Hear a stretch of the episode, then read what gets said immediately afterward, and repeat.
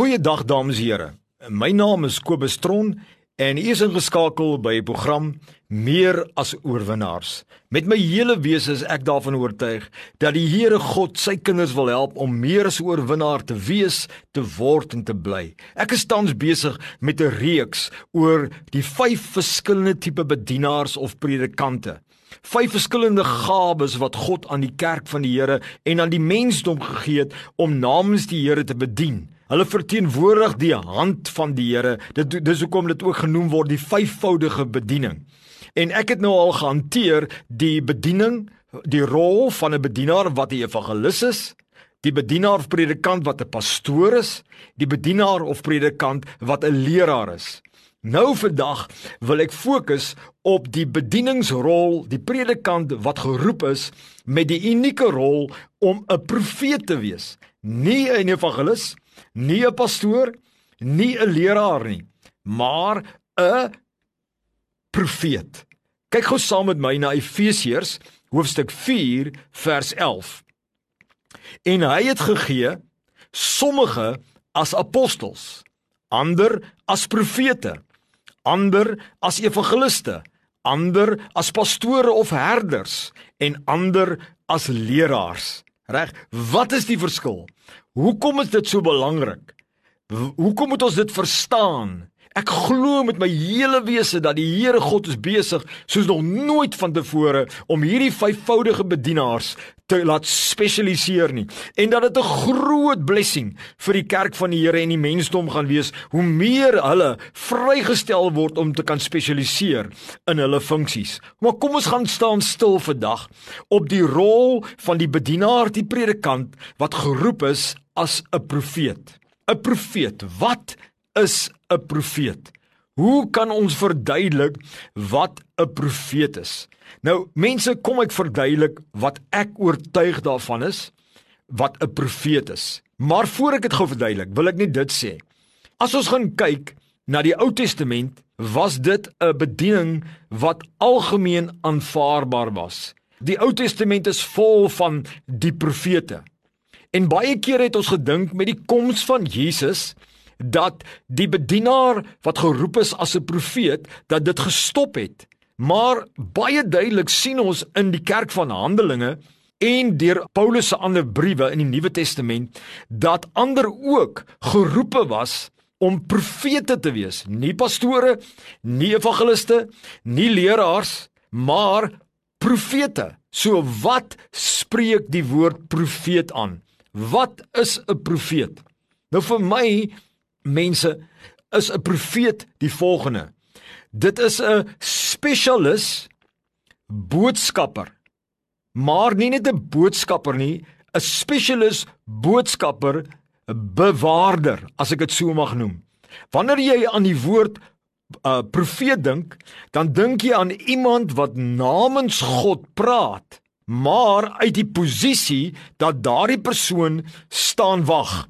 Daardie persoon is geroep om wag te staan oor of dit 'n gemeente of dit kan 'n sekulêre besigheid wees of dit kan 'n nasie wees of dit kan 'n koningsheerskappy wees sê maar soos koning Dawid in die Ou Testament en Nathan wat aangestel was oor die volk van Israel of oor daardie koning. En dan was dit die werk van daardie profeet om wag te hou om toe te sien dat die bose nie daarin kom en daardie groep mense daardie werk stop om die wil van God uit te voer nie.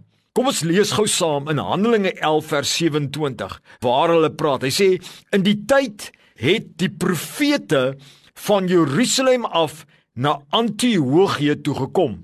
En dan hoor ons later lees ons ook van die profeet Agabus wat vir die mense kom voorspel uit sy profetiese bediening doen hy 'n profetiese voorspelling. Hy voorspel dat daar 'n droogte gaan kom. En dan voorspel hy en hy sê vir die mense dat hulle moet gereed maak want dit gaan kom en hulle moet sekere dinge doen en in plek hê sodat hulle nie te veel benadeel gaan word daardeur nie. Die profeet is die spesialis boodskapper van God.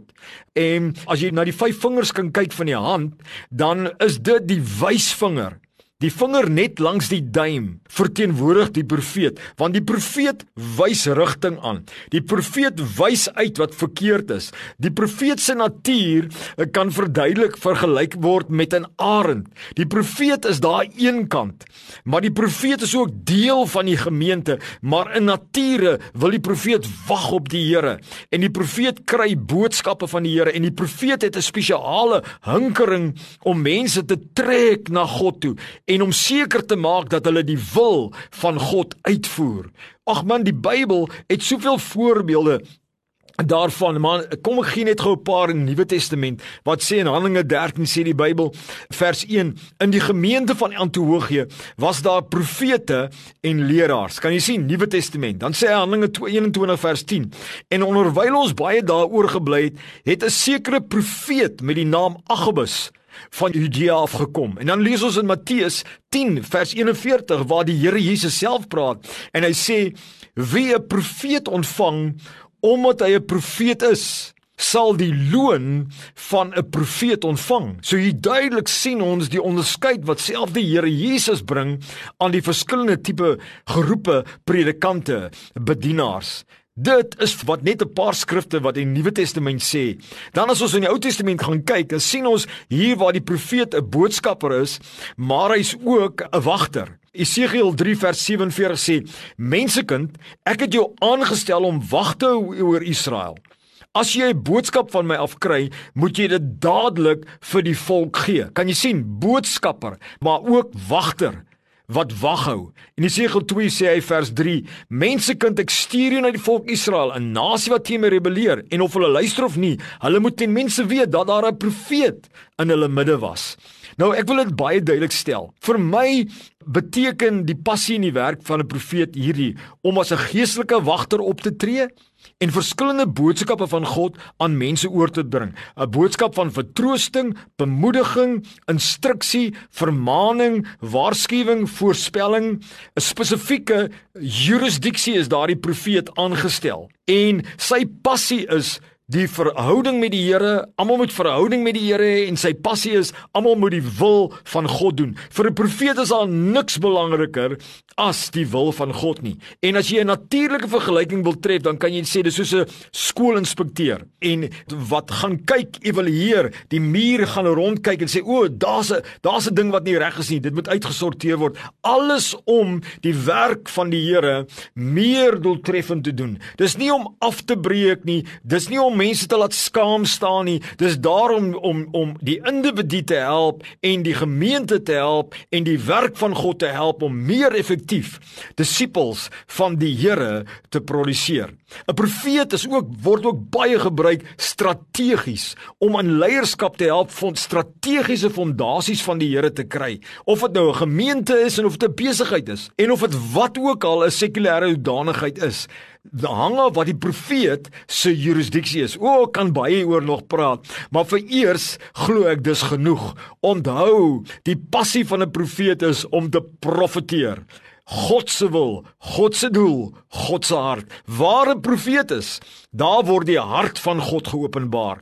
Daar word die harte van mense expose. Daar word die mense gedraai na die wil van God toe. Daar is die gemeente gesond en aan die brand vir die Here, want die profeet praat en kry kans om te kan praat. Mag die Here meer en meer profete restoreer. Mag meer en meer profete erken word, ware profete. Mag valse profete wegval en mag die kerk van die Here geseën wees en mag u, liewe kind van die Here, so geseën wees deur die bediening van 'n profeet en mag predikante mekaar vrystel en sê ek erken dat jy eintlik 'n profeet is en nie 'n pastoor nie as daardie persoon so is. Mag die Here u seën, mag meer en meer koninkryksdisippels geproduseer word, mag die herlewing op aarde uitbreek en in die Wes-Kaap groter en meer in Jesus se kosbare naam. Amen.